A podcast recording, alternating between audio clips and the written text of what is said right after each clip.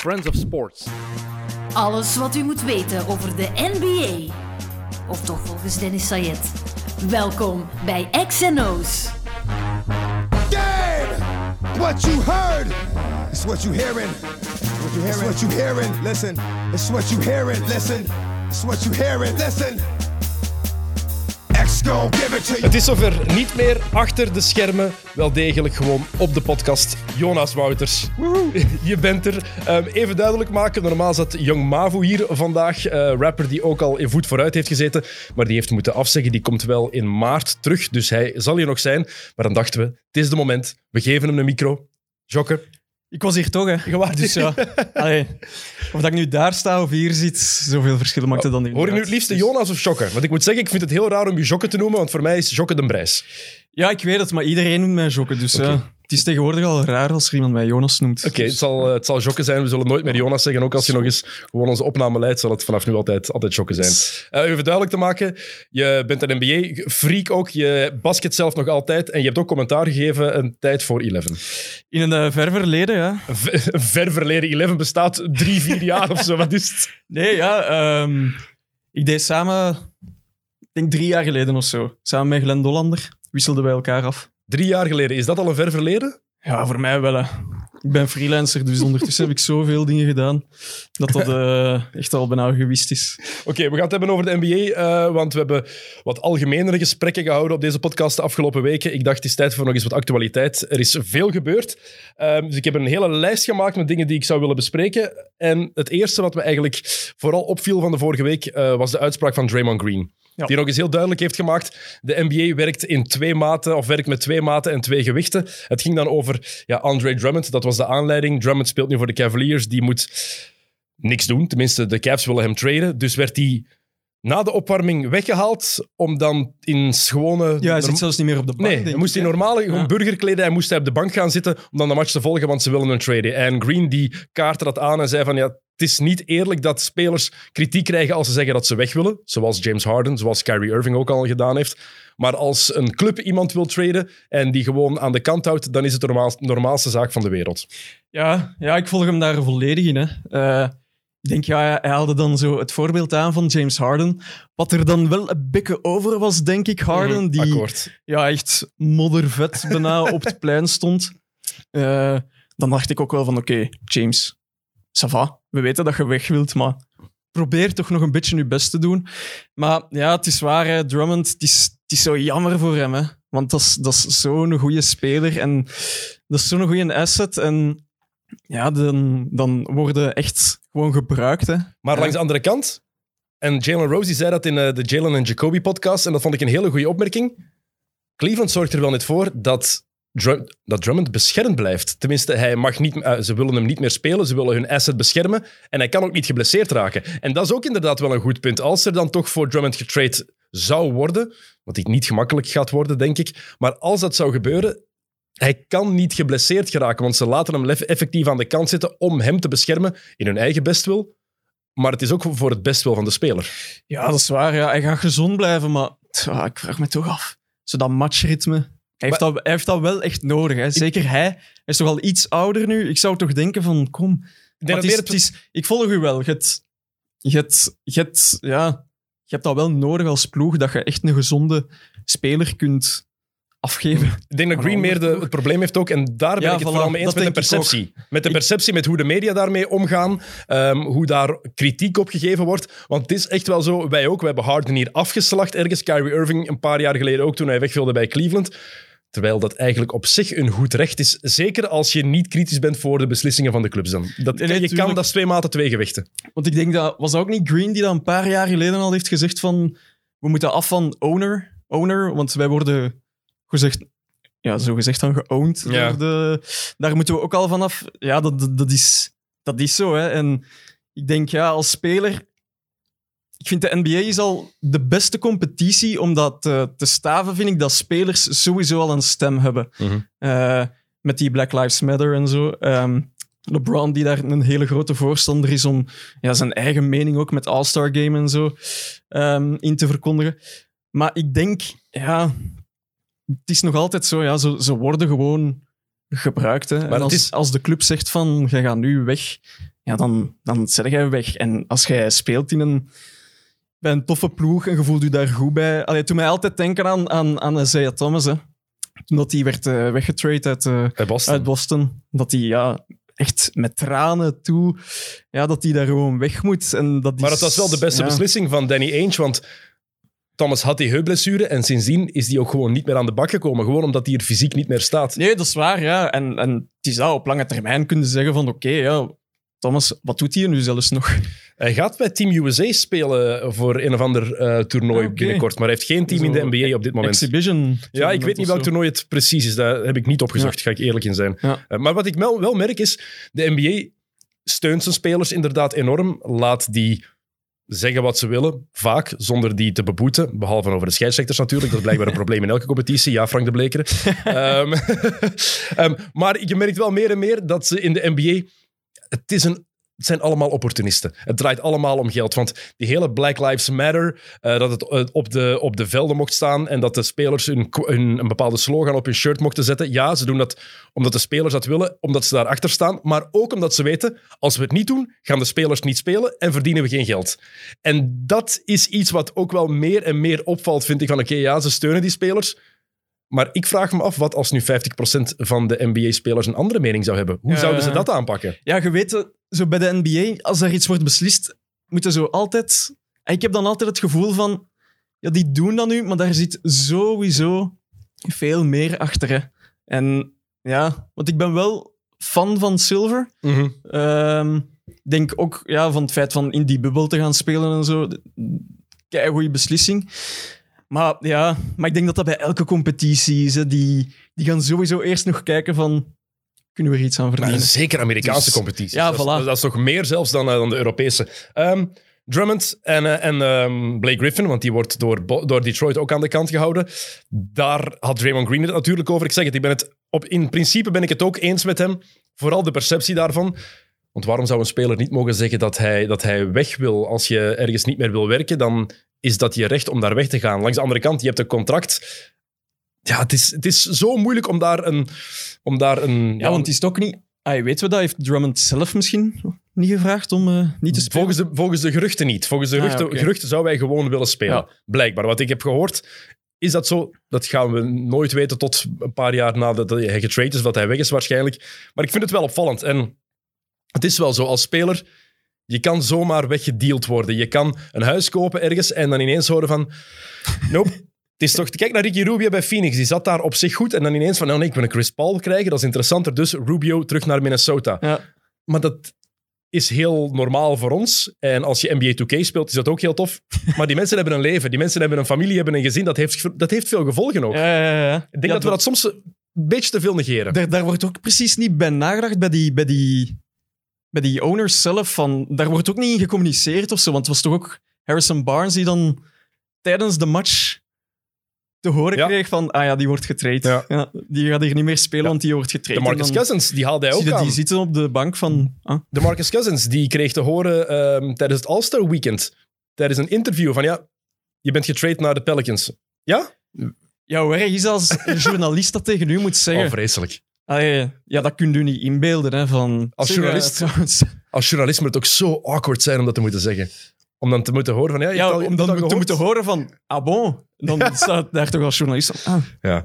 Ehm, Drummond en, ehm, en Blake Griffin.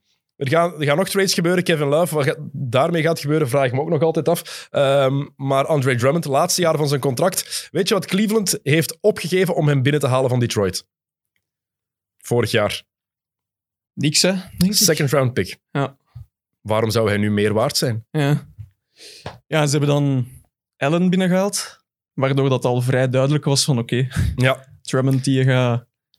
En Jared Allen is beter, is Ja. jonger en is beter. Dus, maar wat, waarom zou Drummond nu meer waard zijn dan een second round pick? Dat vraag ik me echt af. Zeker omdat hij in zijn laatste jaren van zijn contract zit. Ja, voilà, want ik was ook al aan het denken van, ja, stel je nu voor, allee, naar, naar wie moet hij nu gaan ook? Ik was aan het denken, de Nets, die kunnen nog wel Maar die kunnen niet een voor een big trade. man gebruiken, maar ja, die hebben niks. Als het, om- een, als het een buy-out wordt, dan zijn er veel opties. Voor een trade? Ja, maar toch niet voor de Nets. Waarom niet? De Nets die hebben toch niks meer... eh, Maar als het, die als een salary? buy-out is, dat is het voordeel. Als het een buy-out is, dan wordt een huidig contract afgekocht. En dan kan hij gewoon voor een minimum tekenen waar hij wil. hè. Als hij de waivers cleart, dan kan hij gewoon voor een minimumcontract tekenen bij welke club hij maar wil. En dan zie ik de Nets wel als een hele grote contender om hem binnen Ja. te halen. En dan wordt Brooklyn gevaarlijk, want dan hebben ze inderdaad een big man die iets minder versleten is als eh DeAndre Jordan. Dan DeAndre Jordan. Ja. ja. Ja, want ze zijn nu sowieso al, vind ik, contender. Ik vind dat ze meer en meer aan het bevestigen zijn. Ja? Dus ik denk, als ze dan Drummond... Maar dan hebben ze rebounding, dan hebben ze een beetje defense. En dat is wat ze nu niet Ja. hebben. Ja. defense. Maar die defense, want ze hebben vannacht gewonnen van de Lakers. Ja. Lakers zonder Anthony Davis, gaan we het straks nog even over hebben. Maar... En natuurlijk de net zonder KD. Maar als je ze ziet spelen, dan merk je meer en meer deze ploeg daar... In mijn ogen, ik geloof er niet in dat ze nu al een contender zijn. Ja, ze hebben offensief al die firepower. En contender, tuurlijk, ze gaan meedoen voor... Om naar de Ah, finals ze, te gaan. Ze, gaan toch sowieso de conference finals halen. Ik zie zeker in het oosten... ah, ik Op dit moment zou ik dat zeggen. eh, maar er moeten nog, moeten nog een dikke 40 matchen gespeeld ja, ja, worden. dat is hè. waar. Dus, Maar ja, ik weet niet. Kijkt jij graag naar de matchen van de Nets? ja, omdat ik dat... Ik, ik vind dat intrigerend. Dus ik vind het heel interessant om te zien. Ze hebben nog maar zeven matchen met z'n drieën samengespeeld. Ja. Ik vind het heel interessant om te zien hoe dat werkt. Hoe ze elkaar vinden. Ik vind het heel interessant om te zien... Ik wou het eigenlijk straks daarover hebben, maar goed, we zijn er nu toch over bezig. Heel interessant om te zien hoe die machtsverhoudingen zich allemaal, ja, allemaal op zijn plaats vallen. En dat Kevin Durant, wat we al op voorhand dachten, de gast is die zegt... Oké, ik zal wel de derde man zijn. Of zeg, ik zal me wel gewoon het meeste aanpassen. Terwijl dat, dat eigenlijk met voorsprong de beste speler van drie ja, is. Met sowieso. voorsprong. En dat Kyrie Irving dan vorige week leuk komt zeggen... Ja, ik heb, ik heb tegen James Harden gezegd... ehm, jij bent nu de point guard, ik ben de shooting guard. Jij bent de één, ik ben de twee. Eh, ja, kijk, het, het is de beste beslissing die er was voor die ploeg. Maar dat Kyrie dan weer moet zeggen... Ja, ik heb het even gezegd. Dat is... ah. Ja, ja Kyrie, daar ben ik ook... eh, ik had eh, gisteren nog een stat gezien dat de beste... Ze, ze hebben het beste record als Harden en KD samenspelen. Dus als eh, Irving... Maar Irving, ja... pff, ik, ik, ik zie hem zelfs niet meer graag spelen, Echt? Irving. Ah, ik heb zoiets van... Ja, die geeft nu ook nog wat... Vijf assisten per match Maar ja, hij is nu wel de shooting guard. Ja, dus dat is anders. Hè? maar ja, pff, ik heb zoiets van... Irving, bij Irving is nu echt dribbelen en shot en, en, en spot, spot shooter. Ik vond het wel straf dat hij dan gezegd heeft van ja, ehm, het is oké, de bal in de handen van James Harden. Want waarom is Kyrie weggegaan of wou hij weg destijds bij Cleveland? Omdat hij de eerste optie wou zijn. Eh, Hij wou zijn ploeg hebben, niet de ploeg in de ploeg zitten van LeBron James. Daarom wilde hij weg, daarom ging hij naar Boston in die trade. En dan nu bij Brooklyn, oké, met Kevin Durant. En dan komt Harden daarbij. En ik denk dat daarom het zo belangrijk is voor Kyrie dat hij het zelf heeft gezegd aan de media. ah, ja, dat kan goed zijn. Ja, Het is mijn beslissing dat hij het geweest. zelf uit handen heeft gegeven. Ja, ja, ja, echt. ja. Ja, want het is wel de beste beslissing geweest om Harden op die point guard te zetten. Hè. Ha- hoeveel, hoeveel krediet verdient Harden Dat daarvoor? echt, ja. Hoe dat die aan het spelen is ook de laatste tijd, dat is, ja, dat is wauw. Hè. Want we hadden gedacht, eh, tenminste, ik had toch gedacht, Harden gaat, het gaat moeilijk zijn om van die James Harden bal af te geraken. Ja, ja, ja, tuurlijk. Ja, ik denk dat iedereen dat wel dacht. Hè. Van ja, wat gaat er veranderen tegenover Houston? Maar er is Maar veel veranderd. denk- ja, hoe dat die, die een mindset. En ik denk dat dat echt heel hard met KD ook te maken heeft. Alles. Ja. Heeft alles met KD te maken, ben ik ook van overtuigd. Zijn zo'n goede maten Ja. en Durant heeft zo'n positieve invloed op een kleedkamer als hij geëngageerd is en er goesting in heeft, en dat heeft hij duidelijk. En ja, het zijn drie waanzinnige offensieve talenten. Hè. KD is een two-way player, maar als dat effectief helemaal begint te klikken, en daarom vind ik het leuk om naar Brooklyn te kijken, om te, om te zien hoe gaan die effectief uit, er uiteindelijk uitzien. Als je dat nu al vergelijkt met de eerste match die ze samen gespeeld hebben, dan zie je nu al die evolutie daartussen. Dat is waar. Ik vind ook dat zo de, de andere spelers zich ook nog beter aan het inwerken zijn. Zo'n Joe Harris Oh, en zo. Hoe is die aan het spelen? Die, eh, die, die was aan het knallen tegen LA. Dat was. eh, ja. Ja, Joe Harris is... eh, Dat is ook het, en het mooie is er ook aan, je moet erop letten, als je kijkt naar een match van de Nets, als Harris de bal krijgt in die shooting pocket, die bal blijft altijd hoog. Hè? Ja. Dat is niet normaal. Ik denk dat elke, elke shooting coach daar, daarvan klaarkomt. Ja, ja, ja. Echt? Ja, ja. ja, soms ook als je ziet, maar ook hoe dat, die, hoe dat zijn voeten staan en zo. Soms denk je van, maar dat kan niet. Dat is, ah, van, van Thompson en van Curry zetten zo'n dingen gewoon Mhm. dat, die, dat die zo kunnen shotten. Maar het is, ja, het is heel cool om te zien, vind ik. Echt. Heeft, heeft wel die quick trigger ook. Ja. En ik denk, kijk, doe, zet daar Andre Drummond bij. En dan mag iedereen nog banger zijn. Dan Ja. denk ik dat zij de topfavoriet worden, zelfs over de Lakers. ja, ja, Op dit moment nog altijd niet. Ik hou er rekening mee dat Anthony Davis fit wordt uiteindelijk. Eh, vier weken is hem uit. hè. Ja, het gaat Ja. meer zijn. Dat is, dat is, maar, maar dit Brooklyn, als daar een big man bij komt, langs de andere kant, het is geen garantie dat Drummond uitgekocht wordt. Nee, nee, het Ik denk-. Er kan nog voor hem getrade worden, want de laatste jaren van zijn contract, wie gaat het doen? Groot vraagteken. Maar welke ploeg kan zo'n big man gebruiken die nog altijd te graag de bal eigenlijk in de post wil voor zijn post-ups, wat niet zijn sterkste punt is? En wie gaat hem kunnen overtuigen om te doen wat hij moet doen voor een contender? Dat is rebounden, screen zetten, naar de basket rollen en ruimte maken in de paint voor andere mannen en blockshot zetten. Dat is alles wat Andre Drummond moet doen. En ik vraag me af welke ploeg hem daarvoor zou kunnen overtuigen buiten Brooklyn. Ja, het is dat, ja. Het is daarmee, ja. Ik denk, als je daar de invloed hebt van Harden en KD, en vooral dan van KD, dan denk ik dat elke speler zijn ego wel wat aan de kant kan zetten. Maar voor de rest, ja, ja het is ook zoals dat je zegt, Drummond is ook niet meer wat geweest is. Hè. Maar nee, het is nu... Wanneer is hij gedraft? Ik denk 2012, het jaar van Anthony Davis. Ja. Denk je dat hij gedraft is. En dan, ja, negen jaar in de league. Savan nog. Iemand die... Ja, dat is geen slechte speler, hè, maar het is... Maar, maar zou jij hem in je ploeg willen? Nee. Voilà. Nee. En dat zegt alles. Iemand die 30 miljoen per jaar verdient en je zegt, nee, eigenlijk niet. Ja. Second round pick hebben ze ervoor opgegeven. Maar het is zoals Blake dat je daar juist aan haalde. Hè. Die, Maar dat is helemaal- ook niet meer. Ja, maar dat is nog iets anders, hè? Want Blake, je, je kan, van, je kan van, een, van een cliff vallen. ik, weet, ik weet niet hoe welke vergelijking je moet maken met Blake Griffin, maar die is daar gewoon echt afgedoken zonder parachute. En die gast heeft al meer dan Ja. een jaar niet meer gedunkt. Dat is Ja. Blake Griffin. Die is onzichtbaar, hè. is Allee, dat is... Als je die vroeger zag spelen bij de Clippers, dat was... Och. Die Ja, eerste, dat is- ik ben aan het denken, de eerste jaren van Lob City. Is gedraft in 2009. Het eerste jaar heeft hij niet gespeeld, omdat hij geblesseerd is die, geraakt in eh, pre-season. Maar daarna, zeker toen Chris Paul erbij is Ja, met gekomen. CP3 en dan DeAndre, Jamal Crawford. Ja, dat was wel een ploeg. JJ Redick die daar toen bij zat. Dat was een, een fantastische ploeg. En Blake Griffin is top 5 geweest in MVP-voting. En terecht. Ja, ja, maar toen was die ook wel echt... Allee, het was ook... Je kon niet... Er kon niet een dag voorbij gaan dat de Clippers hadden gespeeld en dat die niet in de top drie van plays of the night zaten. Hè. En dat je ook bewust is- ging kijken van, wat heeft Blake Griffin vannacht gedaan? Ja, dat is- Ik vond die zo goed. En, want we hebben het nu over zijn dunks, maar komt daarbij dat het ook gewoon een hele goede playmaker is geworden daarna.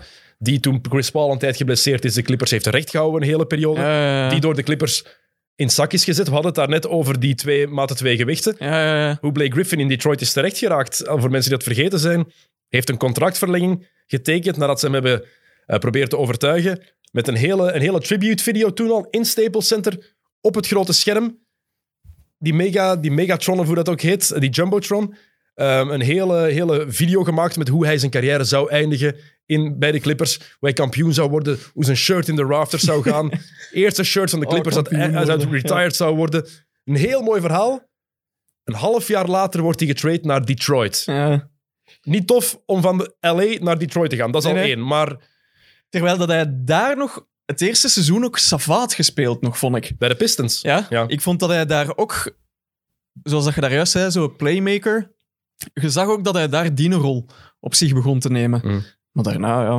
Maar het is nog eens het mooie bewijs dat de woorden van Draymond Green heel veel waarde hebben. Als je kijkt hoe Blake Griffin behandeld is. Ja, Tegen een contract tuurlijk. voor vijf jaar, dat hij overtuigd wordt om daar te blijven.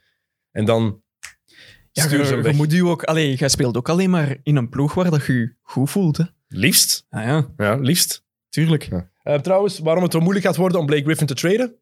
Dit seizoen 36,8 miljoen dollar. Volgend seizoen een player option die hij niet gaat weigeren, want het is er een van 38,9 miljoen.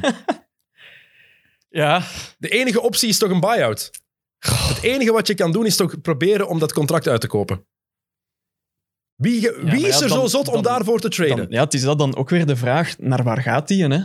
Maar als die, als die uitgekocht wordt en het is een minimum deal, dan kan die wel, denk ik, een, een, een leuke rol hebben voor een contender, een kwartiertje van de bank. Ja, maar dat zie ik hem dan ook weer niet doen. Een Drummond zie ik dat doen, maar Blake... Ja, Ook niet als je weet dat, hij, dat zijn knieën zo kapot zijn dat hij dat zelf beseft. Van, het is inderdaad wat minder. ja het zal winnen. moeten, hè. Het zal moeten. Maar je, je wilt dat niet zien, eigenlijk. Hè. Ja, ik ben aan het kijken naar de contenders op dit moment. In het oosten, Philly en Brooklyn. Zie ik niet gebeuren. Nee. Milwaukee. Hmm. Ook niet echt. Indiana Ja, Indiana wel, hè? zie ik wel. Ja. Boston, daar zie ik hem ook nog wel ergens naartoe gaan. Want de twee Williamson, daar, Ja, hebben ze, hebben daar gaan ze niet van echt, krijgen. Eh Thijs en Thompson, ook geen succes. Trouwens, Boston, interessant voor Andre Drummond. Als dat zou lukken, heel interessant. Eh, Toronto. Die trouwens, Ja. over Drummond gesproken, Toronto heeft een trade package klaar. Hè? Die zouden effectief... Voor eh, ja, Drummond. die zouden effectief iets willen doen. En wie zouden ze dan... Dat is de vraag. Want als je kijkt naar die salaries, die moet ik erbij halen. Ja, ze gaan, Kyle, Kyle Lowry gaan ze niet opgeven. Hè? Nee, ja, tuurlijk. Ja. Als, ze, als ze Drummond voor een second round pick hebben getrade, dan gaan ze niet Kyle Lowry. Maar zie, je, gaat sowieso, je gaat sowieso een salary filler moeten. Waar staat Toronto hier in die lijst? Ehm je gaat sowieso een salary filler aan Toronto. Een Maar Drummond, ja, zeker na het vertrek daarvan, Ibaka, zou Drummond wel een goede pick-up zijn, denk ik. Maar als je kijkt wie verdient er meer dan 10 miljoen, daar enkel Norm Powell, Fred Van Vliet, Lowry en Siakam. Al de rest verdient minder dan 10 miljoen dollar. Drummond zit aan 29 en een klets. Dus met andere woorden, dat ga- dat zie ik ook niet gebeuren. Ja, ja. De Celtics kan wel, die hebben een trade exception van 29 miljoen voor die, eh, die ze gekregen hebben in die sign-and-trade van, eh, van Gordon Hayward met Charlotte. ja, ja. Zwat, eh, Blake Griffin. Dus dat zijn, dat zijn de contenders in het oosten eigenlijk. Ja, Indiana zie ik eigenlijk nog wel... Dat zou ik nog wel tof vinden. In het westen, Utah, nee. Lakers, nee. Nee. Portland, misschien. Phoenix, ja. zie ik niet gebeuren. Golden State, Denver. Hm. Weet je waar Blake Griffin leuk zou zijn? De LA Clippers. en ik meen dat echt. ja. Ik meen dat echt. Het zou... Het zou ja. Sportief ook, het Het zou zou lukken. weer tof zijn om naar te kijken, denk ik. Maar het zou ook gewoon passen. Ze hebben daar Ibaka. Ja. Maar voor de rest, ze hebben daar Jamichael Green. Denk, nee, nee, Jamichael Green is weg. Ze hebben daar te Wacht, weinig wie staat daar nu op de vier? Ehm, Kawhi is, is het meestal op de vier, hè? Die daar, Ah, ja. start. Dus... Oké, bleek naar de Clippers. Bleek naar de Clippers Ja. iets wel. Ik zie, ik zie dat wel gebeuren. Ik ga de stats er Ja. even bijhalen van de Clippers. Dan zijn eerste match dat hem terugkomt, krijgt hem een nieuwe video op de, op de Jumbotron. Welcome Black. Sorry. Welcome back, ah. Marcus, Marcus Morris is daar natuurlijk nog. ehm, maar ze Ah, ja. Marcus Morris. Ja. Nicola Batum speelt daar minuten, hè? Dan zie Ja. ik... Ook een Blake fenomeen, Griffin- hè? Ja, daarom waren ze naar Blake Griffin dan geen kwartiertje daar kunnen ja, ja, ja, zeker. Oké, goed. Dus voilà. Dus Drummond naar de Nets en Blake naar, eh, naar, de, naar de Clippers. Ja. Oké. ja, het zou heel tof zijn voor Blake. Oké. Amai. Ehm, En zo gewoon drie dunks op een match. maar hij gaat niet meer dunken, die kan Ja, dat niet meer. Zoals dat gezegd, een kwartiertje van de bank. En dan kan hij Gewoon om zo wat... Hier, Blake. Trek hem er nog eens door. Eh, maar ik, ik denk dat hij wel gewoon op andere manieren effectief een impact kan hebben. Als hij een kwartier daar kan meedraaien mee die, die, eh, die spelverdelerrol op zich wat nemen, zie ik wel zitten. Eh, de All-Stars zijn bekendgemaakt, tenminste de All-Star Starters. Ja. Volgende week hebben we een speciale All-Star aflevering. Andries Bekkers komt terug. En wij gaan samen onze All-Stars kiezen. Ehm, en dan waarschijnlijk over duizend andere dingen praten, want met Andries... Ja, we hebben al vier uur eh, gereserveerd in de agenda. Het was twee uur en een kwartier vorige keer maar, denk ik. Hè? Ah, ik zou er nu los over gaan. Ça va, hè? Ja. Ik denk omdat we toen ook... Een van ons moest naar de wc, denk ik. Daarom. Ehm, in het oosten, de starters die eh, zijn Kevin Durant. Of dat zijn Kevin Durant, Joel Embiid, Giannis Antetokounmpo, Bradley Beal en Kyrie Irving. In het westen LeBron James, Nikola Jokic, Kawhi Leonard, Stephen Curry en Luka Doncic. Ben je het eens met de starters? In het oosten wel. Ik ben heel blij dat Bradley Beal eh, mag starten. Hoe dat die eh, ja, de Wizards aan te dragen is. Dat eh, nou ja, aan, aan ja. dragen is. De Wizards staan... Ja, ze staan wat voorlaatste. Ja, nee, nee, nee. Ze zijn nu ehm, net boven de Cavs en de Pistons met 9 overwinningen en 17 nederlagen. Maar het is wel zo, zonder Bradley Beal hadden ze nu Ja, 2 dat is- en 22 Dat gehad of is zo. nergens, hè. Dus ik ben wel heel blij voor hem. En ik denk voor de rest, ja, niet meer dan logisch. Oké, eerst het oosten. Ehm, ik ben het daar niet helemaal mee eens. zou ik Harden nog wel kunnen switchen voor... eh, Ja, ik wil Jalen... Ik, nee, kijk, Kyrie Irving mag daar voor mij niet inzetten. Die is 10 matchen heeft hij gemist zonder iets te laten weten aan zijn club. Gewoon, Ja, maar jij zit daar nog altijd kwaad om. hè. maar kwaad die- niet, maar ik vind dat gewoon... Dat, dat, hoeveel matchen zijn er gespeeld? 30? Iets meer? Eh, ja. Nee, heeft 10 matchen gemist omdat hij gewoon... Oké, persoonlijke problemen kan goed zijn. Je laat iets weten aan je club. Je kan nooit zomaar zeggen van ja, ik kan, achteraf... Ja, sorry, ik ben, een- ben drie weken niet komen werken, want eh, ik had het te moeilijk. je kan dat zeggen, alle begrip voor mentale problemen. Dat is heel belangrijk dat we daar meer aandacht aan geven. Maar het is niet moeilijk om te laten weten aan je club, ik heb tijd voor mezelf nodig. Ik ga even die tijd nemen. Nee, Dat, zou alles veranderd hebben. Dat gewoon. Eh, James Harden, je hebt het al gehad over zijn Houston-periode. Dat telt mee voor dit seizoen, Ja. voor mij. Jalen Brown.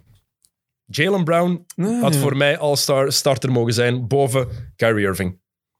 Ja, de Celtics hebben het moeilijk. Of met Malcolm Brogdon. Nee, jongen, Malcolm Nee? Brogdon is niet goed genoeg. Ah, maar ik ben zo fan van Malcolm Brogdon. dat is toch geen all-star? Maar, hey, die ook. Bij Indiana, die is niet slecht bezig. Hè? Maar Indiana heeft maar één all-star. En dat is Sabonis. Ja, dat is waar. dus Ja, dat is dan ook weer waar. Ja. Brock, nee, ik vind Jalen Brown, die, de stap die hij gezet heeft dit jaar, offensief en defensief, ehm, vooral offensief, want we wisten dat hij een goede, zeker on-ball-verdediger was. Maar offensief is hij bijna de evenknie van Jason Tatum. Het is zo, Jason Tatum is de meest getalenteerde speler van de Ja. Celtics. Brown is dit seizoen de beste. ja, al vind ik wel dat je nog altijd merkt als Jason Tatum niet meespeelt Natuurlijk. met de Celtics. En dan, dan hebben ze het heel moeilijk. Dat kan je bij veel ploegen zo zeggen, denk ik. Ja, ja, tuurlijk. Dus daarom. Maar jij zou, Kyrie, jij zou Harden en Kyrie boven Jalen Brown kiezen. Als het aan jou Nee, eh, Kyrie niet. Nee. Ja, gewoon omdat ik... ja, sorry, Kyrie. maar dat is, dat is denk ik gewoon persoonlijk. Ik zie hem ongelooflijk graag basketten. Dat is, ja, dat is, dat is magie. mhm. Maar pff, ja, hoe dat hij zich gedraagt en alles daar rond. En bij sommigen kunnen daarom lachen. Dan is dat, dan is dat tof, zo die, die spelers waar dat dan zo iets mee scheelt. Mhm. Zoals een, een Lance Stevenson of zo. Dat vind ik dan weer grappig. Maar Lance Stevenson is ook niet zo goed. als Nee, nee, dat is waar. Ja, voilà. Daarom ook waarschijnlijk dat het grappig is. Maar ja, Maar hij moet wel all-star zijn. Objectief gezien is Kyrie ja, ja een all-star. dat, dat vind ik wel. Allee, gezien zijn prestaties. ach, ik had over het laatst nog iets grappigs. Dat Was hij met Wierook het plein aan het besprenkelen? Ja. Oh, Met Sali. Met Sali was het. Ja, gebrande Sali. In, hij was in, dat is altijd dat is een nieuwe, nieuwe gewoonte. En hij komt ook altijd aan nu met een wandelstok.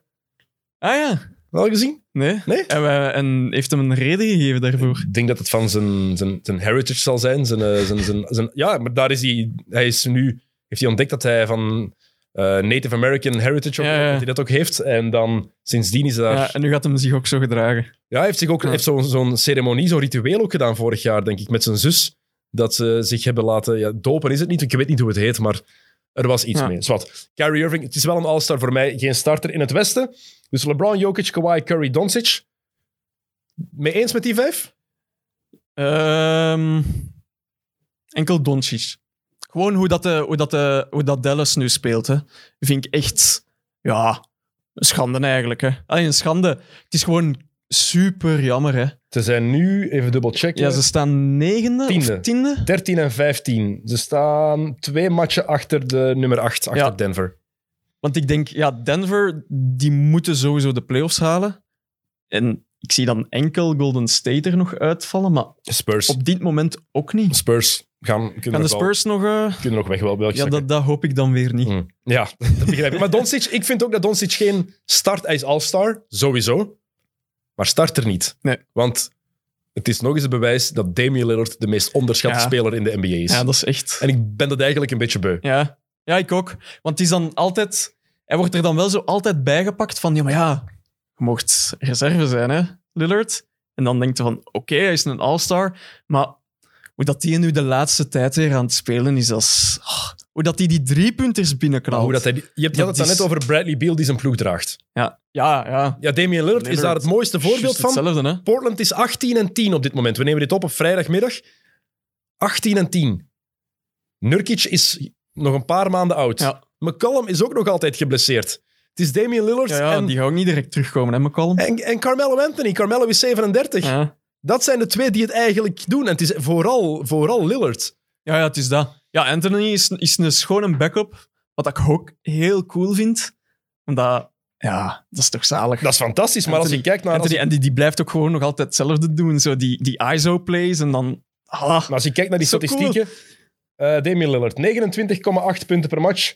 4,4 rebounds, 7,7 assists, 1,1 eh, steals, 2,5 assist-to-turnover ratio, wat echt waanzinnig is. Heeft drie turnovers per match, wat heel goed meevalt voor iemand die Ja, zoveel de bal draagt. Kei weinig hè, als point guard. 45% field goal percentage, 38,4 van achter de driepuntlijn, 93 van op de vrijworplijn. En dat zegt eigenlijk nog altijd maar 10% van wat Lillard betekent voor zijn ploeg. Ja, ja, ja.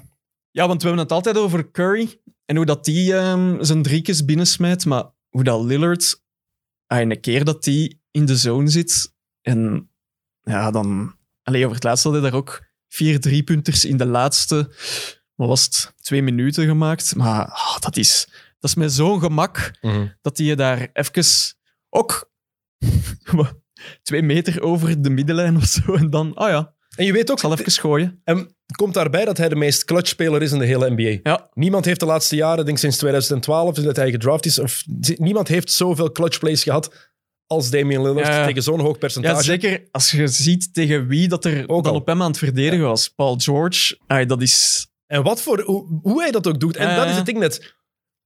Damian Lillard maakt andere spelers en andere ploegen bang.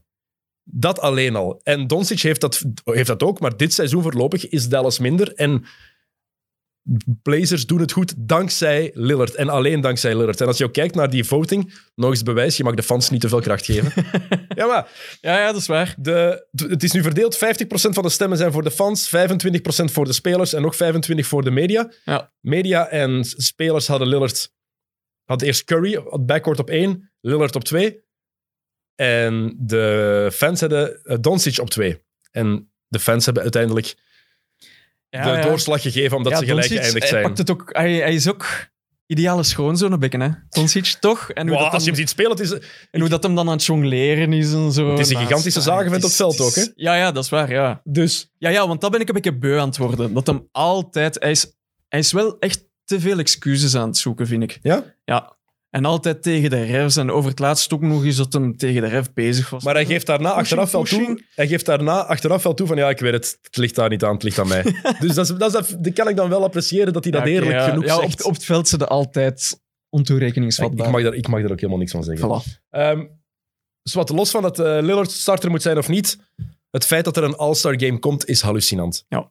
Eerst ging de NBA geen All-Star game doen, eh, omdat er zo'n kort off-season was, 71 dagen. Ehm, want dan kregen de spelers, er ging wel een All-Star break komen, zodat de spelers toch een beetje rust konden krijgen.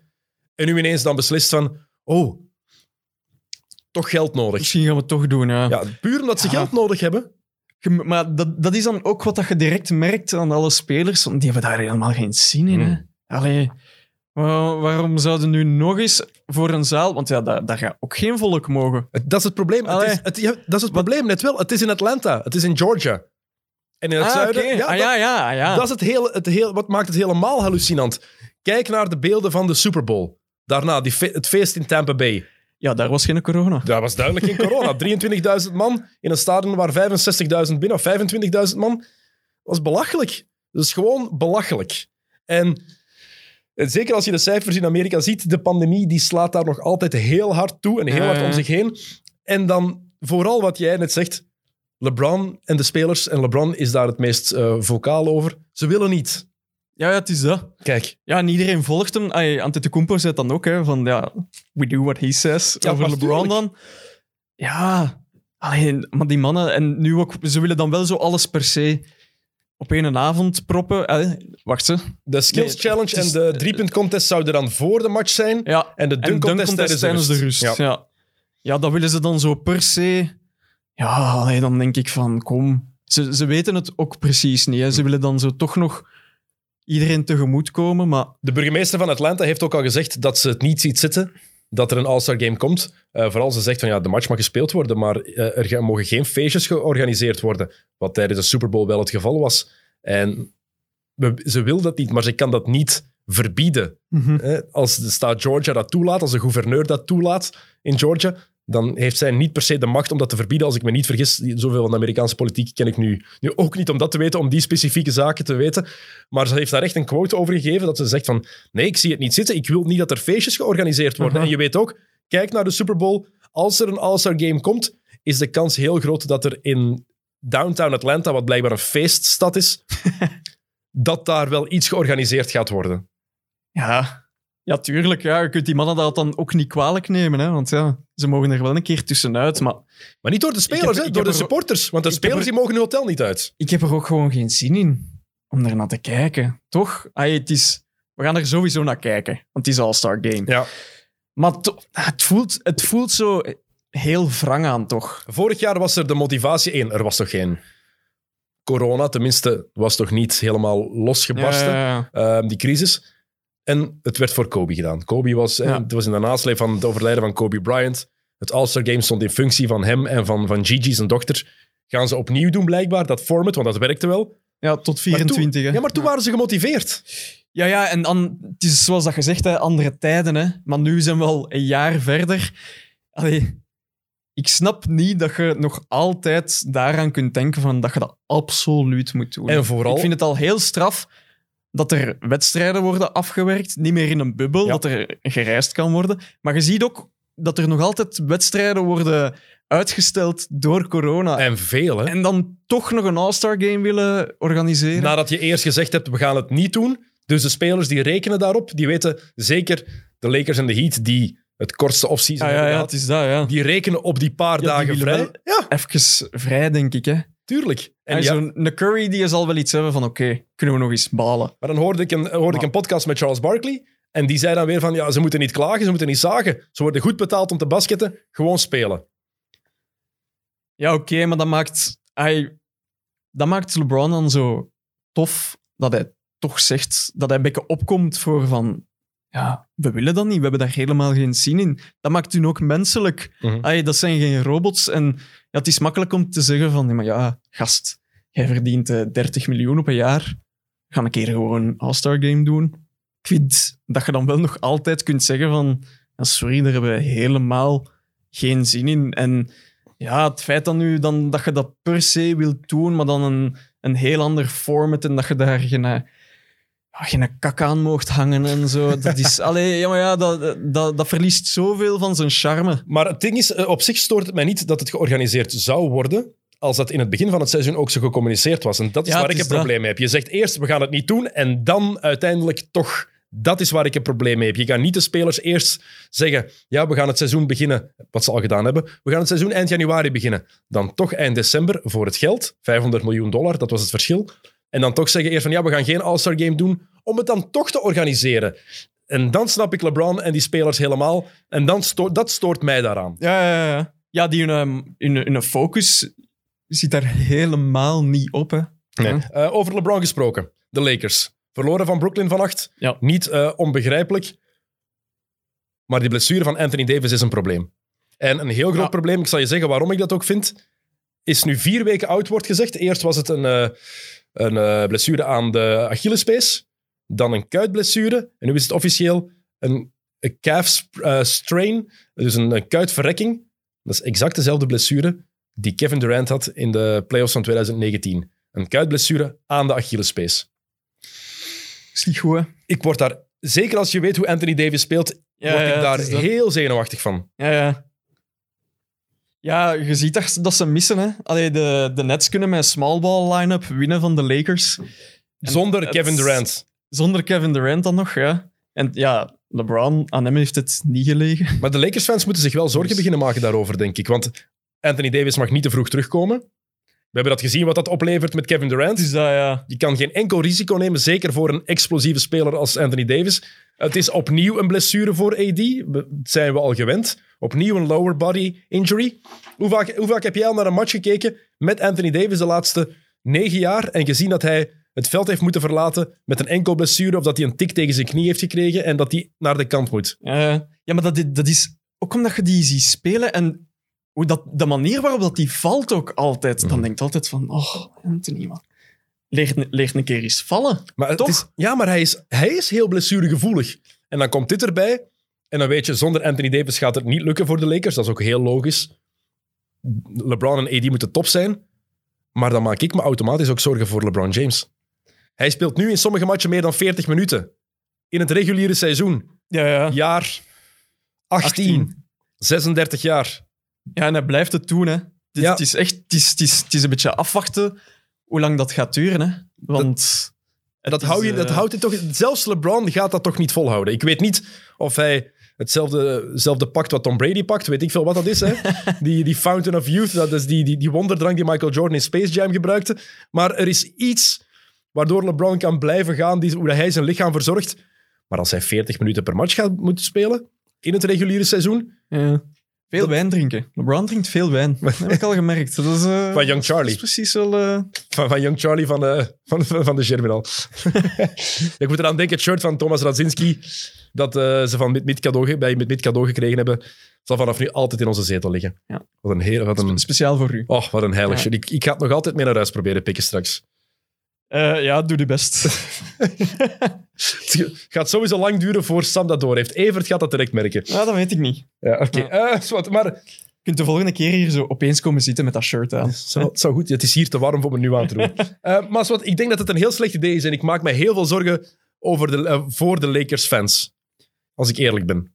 Jij lijkt me daar eigenlijk niet te veel zorgen over Nee, te maken. eigenlijk niet. Omdat ik heb alweer het gevoel dat LeBron weer... Ja, die, die speelt alsof dat niks is. Ik vind ook dat hij terug een MVP-seizoen aan het spelen Ja. is. Eh, Klopt. want ik vind... Wacht, ze niet vorig jaar, maar het seizoen ervoor, denk ik, had Mhm. hij ook sowieso MVP moeten worden van mij. Man, nee man. Jawel, het jaar dat Antetokounmpo... Vond ik dat ze hem aan eh, LeBron hadden moeten nee, geven. dat En is ik ben geen LeBron. Maar dat is de narrative. Van- dat is de narrative. De laatste keer dat LeBron echt MVP had moeten worden, heeft hij hem gewonnen.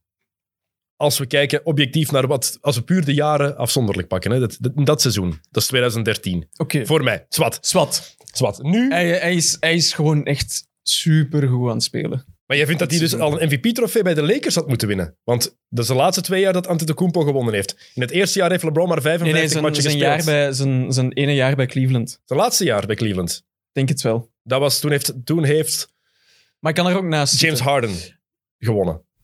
2018. Maar ik kan er naast zitten. Je zit ernaast. Alleszins, ik, ik had op hem een keer gewet in het begin van het seizoen dat hij MVP ging worden. Ah, En ik vond, maar daarom. zijn statistieken stonden ernaar en ik dacht, ah, En voor hoeveel had je gewet? 10 euro. Wat, zo. 10 Ik- euro, Ik, kon gast. er, ik kon er 100 mee winnen, denk ik. Oké, Dus, eh, voortaan 100 inzetten, dan, Ja, voilà. dan snap ik je frustratie. ehm, maar je maakt je geen zorgen. Dus jij denkt, als LeBron 40 minuten per match ik- gaat spelen, is het oké. ik maak me nu nog geen zorgen. Maar het is inderdaad wel, zoals dat gezegd, AD, ze kunnen dat ook niet volhouden. Ze gaan die wel echt beginnen missen Mhm. op een bepaald moment. En dan, ja, LeBron, het is, het is echt het is hout vasthouden. Hè? Nu, dat het ding is dat wel- hem niet tien matchen mist of zo, want dan is het... Dan is het Maar ze, zijn al, ze moeten allebei gewoon fit zijn voor de playoffs. Dat is het enige wat telt voor de Lakers. Dat als ze fit zijn in de playoffs, en dan maakt het niet uit, zijn ze een 4 seed, zijn er 5 seed, who cares? Dat maakt voor die ploeg in mijn ogen niet uit. Maar die blessure van Anthony Davis, daar ben ik... Sinds dat dat met Kevin Durant gebeurd is, ben ik daar extra bang voor. Ja, ja, dat is waar. Ja, ze moeten gewoon echt zorgen dat hij echt, echt topfit is. Want je kunt dat niet riskeren om, om die... eh, Als hem dan een herval heeft, ja, dan is het terug Mhm. voor een seizoen. hè. Ja. Dan is het voor seizoen. Ehm, de Lakers, al van het begin van het seizoen, de contender, de topfavoriet. De Utah Jazz zijn de beste ploeg in de NBA op dit moment. 20 van de laatste 21 matchen hebben die gewonnen. Ja, Real or not, de Jazz? Ja, het voelt nog altijd niet real aan, hè? Toch? Omdat, omdat het Utah is. Ja. Ik, vind, ik, ik gun het ze zo hard, hè. Want ah, ik ben een super grote fan van, eh, van Donovan Mitchell. Ehm, en ja, eigenlijk doen ze nu wat dat we al een paar seizoenen ervan verwachten. Maar ze overtreffen zichzelf zo een beetje. Ja, vorig En- jaar had ik ze in de preview echt in de top gezet van het Westen. Ik dacht echt dat ze gingen kunnen meedoen. Ik denk dat ik ze zelf op twee of heb gezet na het reguliere seizoen. Toen had gezet. En dat was Dat dan een teleurstelling. Omdat Mike Conley ook niet de Mike Conley was die ze daar verwacht hadden. Dat is hij dit seizoen wel, ondanks die blessure die hij al even gehad heeft. Mitchell is veel meer playmaker geworden. Niet meer enkel die scorer, want als je naar de cijfers kijkt, dan denk je, is Mitchell nu zo goed? Ja, die is zo goed. Gobert is fantastisch.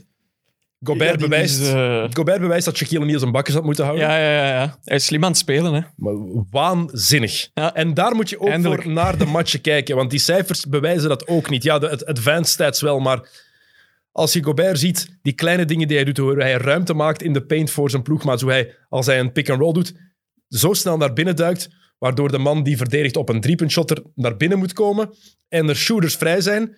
En dan komt het belangrijkste bij de Jazz. Je hebt daar goede balmovement, hele goede defense. Het is de enige ploeg die top 10 is in offense en in defense. En ze roteren met negen man nu. Zeven van die negen man shot driepunters binnen. Zes van die zeven driepuntshotters shot niet minder dan 37 procent. Ja, het is- 37%. Het is, het is- het is een toffe, maar het is eigenlijk al een paar seizoenen lang een, ook gewoon een toffe ploeg om naar te kijken. Hè. Hoe dat die...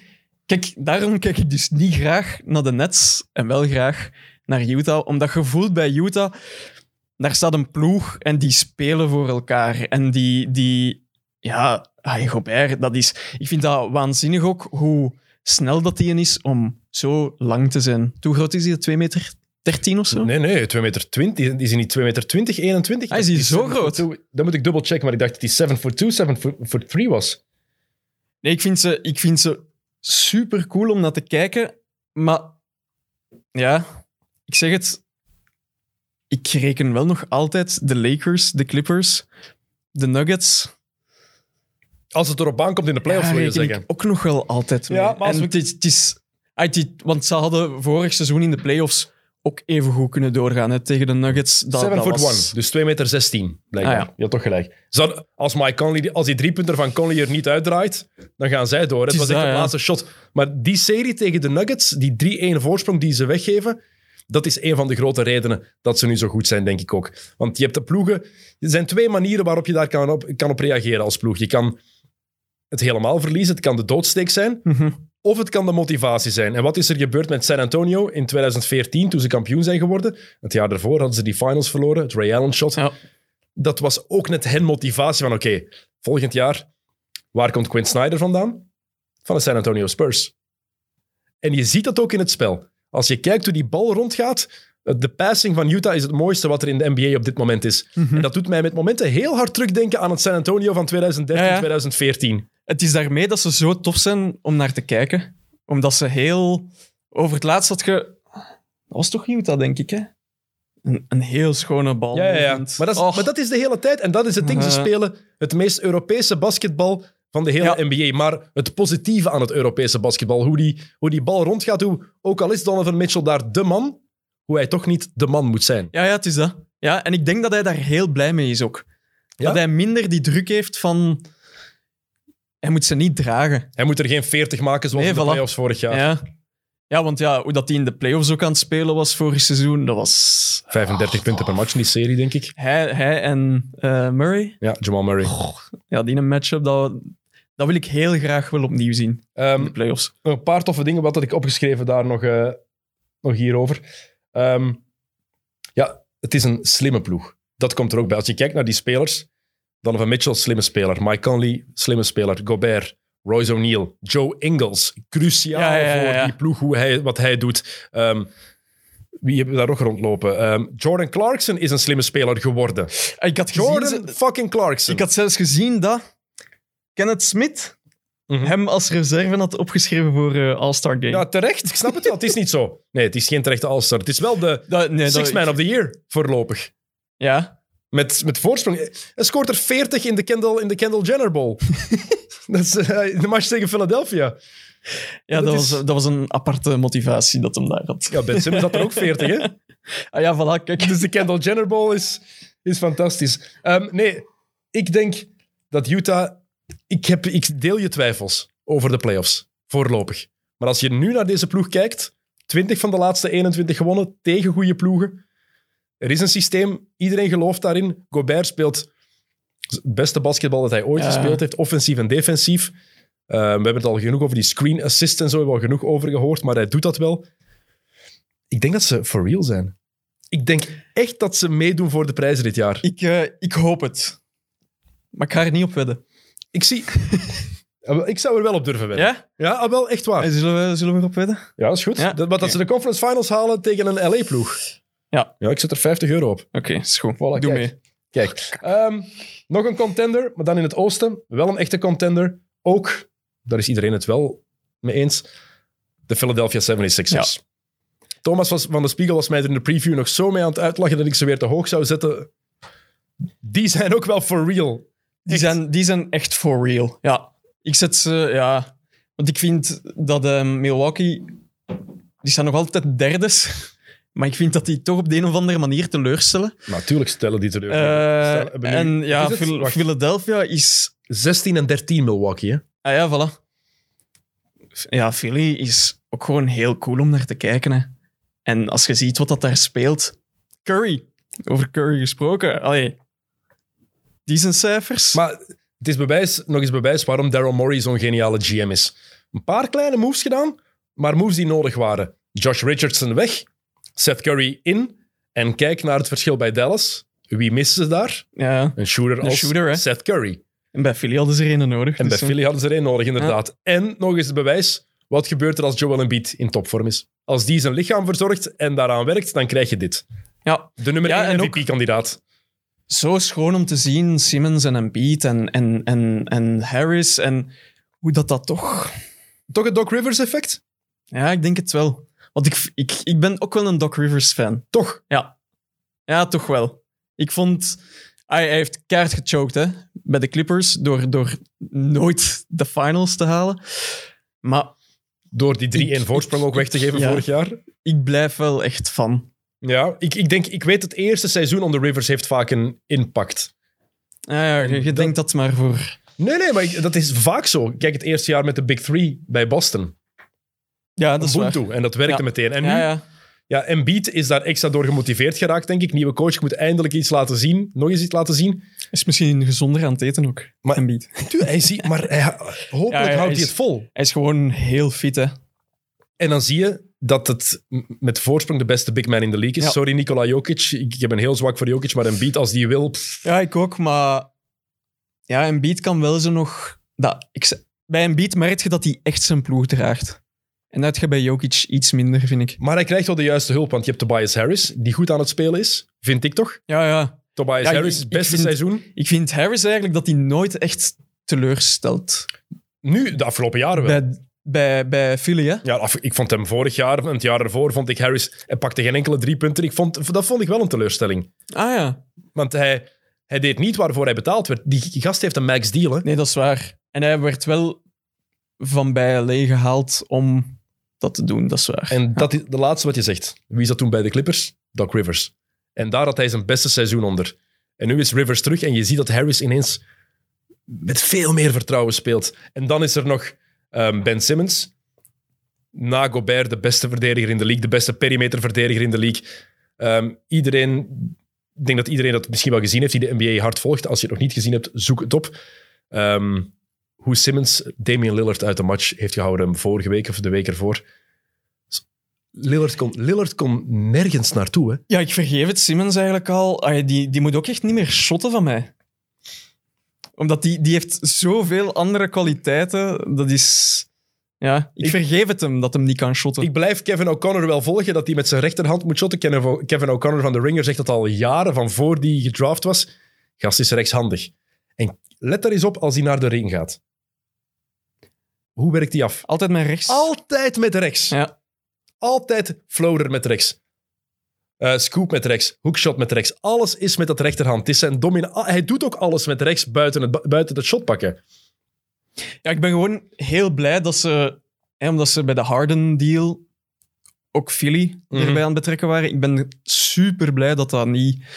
Dat, dat Philly gewoon Philly is gebleven. Het was ook En- niet en- goed geweest voor de de- Sixers, denk ik. Nee, als, voilà. als die deal was doorgegaan. Het is dat. En die, die, ja, die, die, die, die, combo Simmons en Beats Toch? gewoon super cool. Maar de afgelopen jaren zei iedereen dat het net niet werkte, die twee. Hè? Ja, maar pff, Die combinatie. je, je moest dat gewoon tijd geven, denk ik.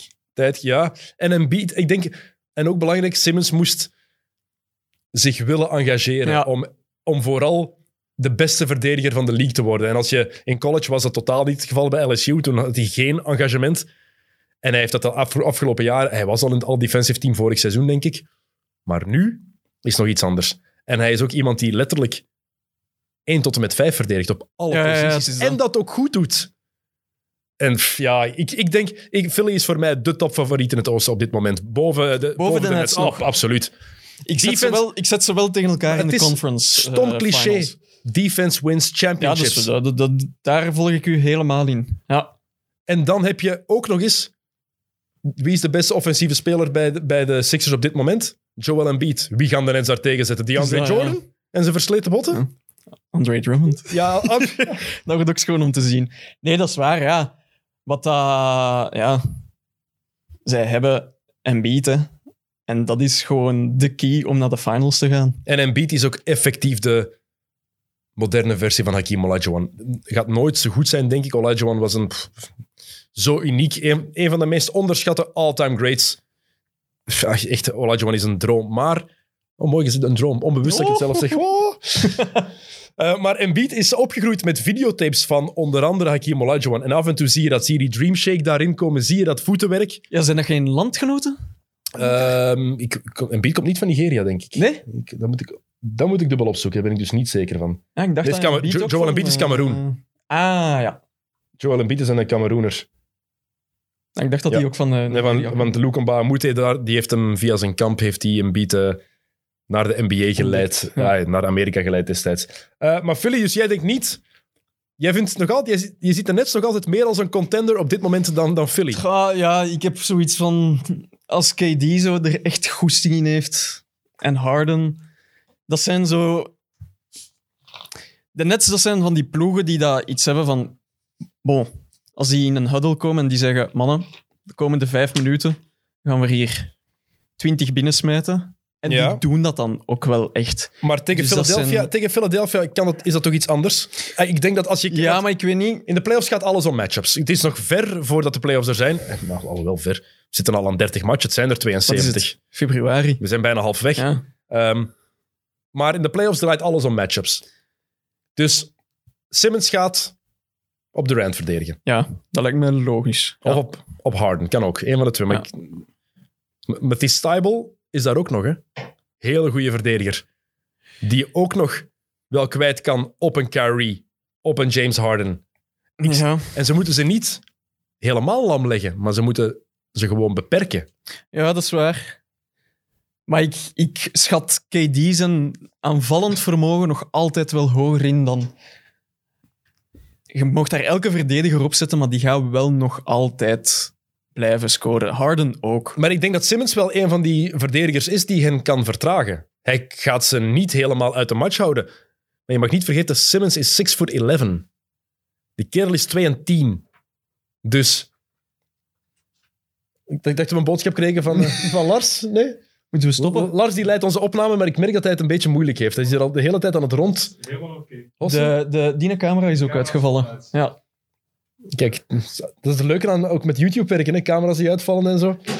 Hoppa, een zwart beeld ertussen. En dat is een stagiair, hè. Ja. Maar kijk, dat, Ik weet niet of dat die goed. wij hebben gelukkig nog niet de, al- niet, of niet de allure van, eh van mid-mid. hè. Het is maar basket. Je hebt dat ook niet Het nodig. is maar basket, nee. Ik heb een, mijn nek is al dik genoeg, zeg. Ehm, maar Nee, ja, ik ben... ik, ik, denk, ik, denk dat, ik denk dat het een fantastische serie kan worden. Dat Ja. sowieso. Daar kijk ik keihard naar uit. Maar ik zet Ja. mijn geld op Philly dan, hoor. Echt waar. Ik zet mijn geld op Philly. Defense, dat is nog altijd het belangrijkste. Oké. En niet vergeten, ook al zit Mike D'Antoni daar, Steve Nash is nog altijd een rookie headcoach. Dat is Oké. Doc Rivers heeft heel wat, Ja. heel wat dingen al weggegeven in zijn carrière, maar het blijft wel iemand met de ervaring en een coach die al kampioen is gespeeld. Ja, want dat vraag ik mij ook nog altijd wel af. Hoe dat de machtsverhoudingen zitten binnen de kleedkamer met Steve Nash erbij. Omdat ik ben wel overtuigd van Steve Nash als coach. Maar ik denk dat je daar al, zoals dat je zegt, een KD hebt die dat met iedereen wel goed overeenkomt en die ook die ploeg kan samenbrengen. En ik vraag me af... Ja, Nash is de perfecte people manager voor die ploeg. Was hij als speler al, want het is de beste ploegmaat die er ooit geweest is. Volgens alle verhalen, ik heb er nooit mee samengespeeld natuurlijk. Uh, maar het is de perfecte people manager. Iemand die iedereen content houdt, die de sfeer in die ploeg op een goed houdt, die ook perfect weet wat hij wanneer moet zeggen, wanneer hij moet ingrijpen. Wat was de grootste kwaliteit van Steve Nash als speler? Dat was zijn basketbal-IQ. zijn basket, hè. Zo slim. Ja, maar hoe hij ook hoe hij daarmee omging met, die ploeg, met, zijn, met, zijn, uh, met zijn ploegmaats. Elke keer als er een speler, een ploegmaat van hem een fout maakte, als hij een bal niet kon vangen, bijvoorbeeld na een pas van Nash, dan ging Nash sorry zeggen. Ook al was het zijn fout niet. Omdat hij niet wilde dat zijn ploegmaat vertrouwen zou verliezen. Ja. Dat zegt alles over die gast. Dat is zo ene die dat je altijd in je ploeg wilt. Hè?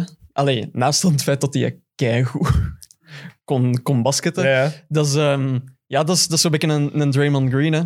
Nash was ook al coach toen dat hij nog speler was. Hè? Het enige verschil is dat Draymond, Dus- Draymond Green het op een degoutante manier, tenminste op een manier doet waar je soms van, als ploegmaat wel eens van kan zeggen van, gast, bakkes, Ja, Bij- ja misschien wel. Ja. direct hij en hard. Het, En, hij zou het liever kunnen zeggen, maar ai, op die moment heb je daar ook geen tijd voor om te zeggen van... Zeg, eh, sorry, Wiseman, hij zou het liever kunnen zeggen. zou je alsjeblieft dit kunnen doen? Dus... Oké, ik heb nog een paar ploegen opgeschreven die ik snel even wil, iets over wil zeggen. New York. Real or not for real? Ja, hoeveelste staan ze nu? Vierde? Nee, nee, nee. nee. Eh, Ze staan Zevende. zevende, 14 en 16. Ja. Maar ja, in het, in het oosten kan het allemaal snel gaan. Maar ze hebben al 14 van de 30 matchen gewonnen. Ja, ze, zijn, ze zijn grappig aan het spelen. Allee, ze zijn grappig aan het spelen. ja, maar ja, allee, die zijn al... Hoe, hoeveel jaar zijn die al slecht aan het spelen? En dan de moment dat je verwacht, ze kunnen genieten van een trade, van een draftpick, dan opeens gaan ze goed beginnen spelen. Ja, dat is... Ik ben wel heel blij dat Rose er terug is. Ik, ah, wel, het is- ik had er eerst schrik voor. Ja, het is ook weer typisch Thibodeau. Ja. Thibodeau is daar. En wat gaat die, wie gaat die halen? Derrick Rose. Maar ik had heel veel schrik dat hij eh Emmanuel Quickly minder minuten ging laten krijgen daardoor. Dat gebeurt gelukkig niet. Natuurlijk wel andere gasten die amper aan bod komen. Ehm, het is en blijft Tom Thibodeau. Maar het belangrijkste voor de Knicks, het is een ploeg die vecht. Nu, ze hebben terug... Ja, er is hier terug... hoe moet je dat zeggen? Ja, er zit terug vechtlust in die ploeg. Ze, Ja. ze willen terug spelen. Het is niet zo'n ploeg die daar gewoon zichzelf gewoon maar... Nee, voilà. Ja, Het is niet van, we gaan hier eh, doen alsof dat we gaan verliezen. Oké, bedankt. We krijgen hier de boodschap dat we moeten afronden. Jonas moet weg, ja. Want Leroy is er ook bij komen zitten even. Leroy, eh, Leroy Deltour. Dus, ehm, Ik weet niet waar je nog van plan waren. nee, ik, was, ik wou nog even kort een paar dingen aanhalen. Maar misschien, eh, we kunnen wel nog even... eh, Jokke moet weg. hoe laat is het? Nu, ETA is eh, kwart voor, is 20 voor 3. Oei, Oké, Jonas moet weg. nog twee dingetjes dan. Oké, eh, dus niks tof, maar niet Tof. voor maar for real. Tof money for real. Oké, ehm, Dallas, komt dat nog goed met hoe ze daar aan het spelen zijn? Ik denk het eigenlijk niet. Nee. Denkt jij van wel? Nee, voor, om Ik denk beter het voor, voor een prijs niet. Nee. Want eh, ik zei daar straks nog van, ja, die ploegen kunnen nog uit de top 8 vallen, maar pff, ook weer niet eigenlijk, hè. Dallas zit er nog ineens in. En dan het laatste. Ehm, erger jij je ook zo hard aan de Atlanta Hawks als ik? Ja. Echt, ik word zo ambetant van die ploeg. En dat is even heel subjectief, geef het eerlijk toe. Maar Trae- ik heb nog nooit een speler gezien. Trae Young is fantastisch in offense. Ik heb nog nooit een speler gezien die zo weinig moeite doet in defense. Ja. Maar echt, James Harden. Ja, James heeft, Harden. Nee, nee, nee. Die deed meer moeite dan wat Trae Young soms doet. Let daar eens op. Let erop hoe die verdedigt op een balscreen. Je kan, die ziet dat komen en die denkt: ja, allee, dat is dan maar, hè. Ja, maar hadden het daar straks over Doncic, dat hij ook zo aan het klagen en zagen is over alles. Maar Trae Young, die kan er ook wel een pakje van, ze. En Trae Young heeft, Oh. Trae Young heeft vooral ongelijk als hij dan zaagt over sommige Ja. calls. Echt gast. Ja. Maar is wat, negatief. Dat is een beetje te negatief. Ehm, we gaan eindigen met positieve dingen. En dan zal ik eindigen met jou te laten gaan, Jonas. En te verwijzen naar wat er nog allemaal is op de Friends of Sports podcast. Ehm, er is een mid-mid opgenomen met Thomas Radzinski, met de geweldige Thomas Radzinski die dat shirt daarbij had. Voor de mensen die eh, aan kunnen luisteren, er ligt daar een prachtig shirt van Germinal Ekeren, de mooiste voetbalclub die ooit bestaan heeft. met Young Charlie daarop getekend door de beste spits die Germinal Ekeren ooit gehad heeft. Ja, ik ben een fanboy.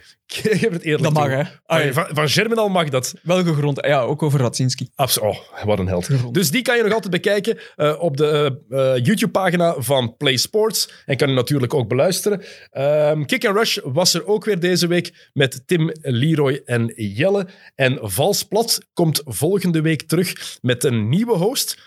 De enige vaste waard van vorig jaar die er was, is Jappe Toten. Die is er nog altijd. Voor de rest is het een verrassing, maar midden volgende week komt Valsplat ook weer terug. En wij zijn er volgende week weer. Volgende week vrijdag nemen we een nieuwe aflevering op met Andries Bekkers. En gaan we het hebben over het All-Star Game en gaan we onze eigen selecties maken. Ik ben heel benieuwd of hij Tony Snel zal selecteren.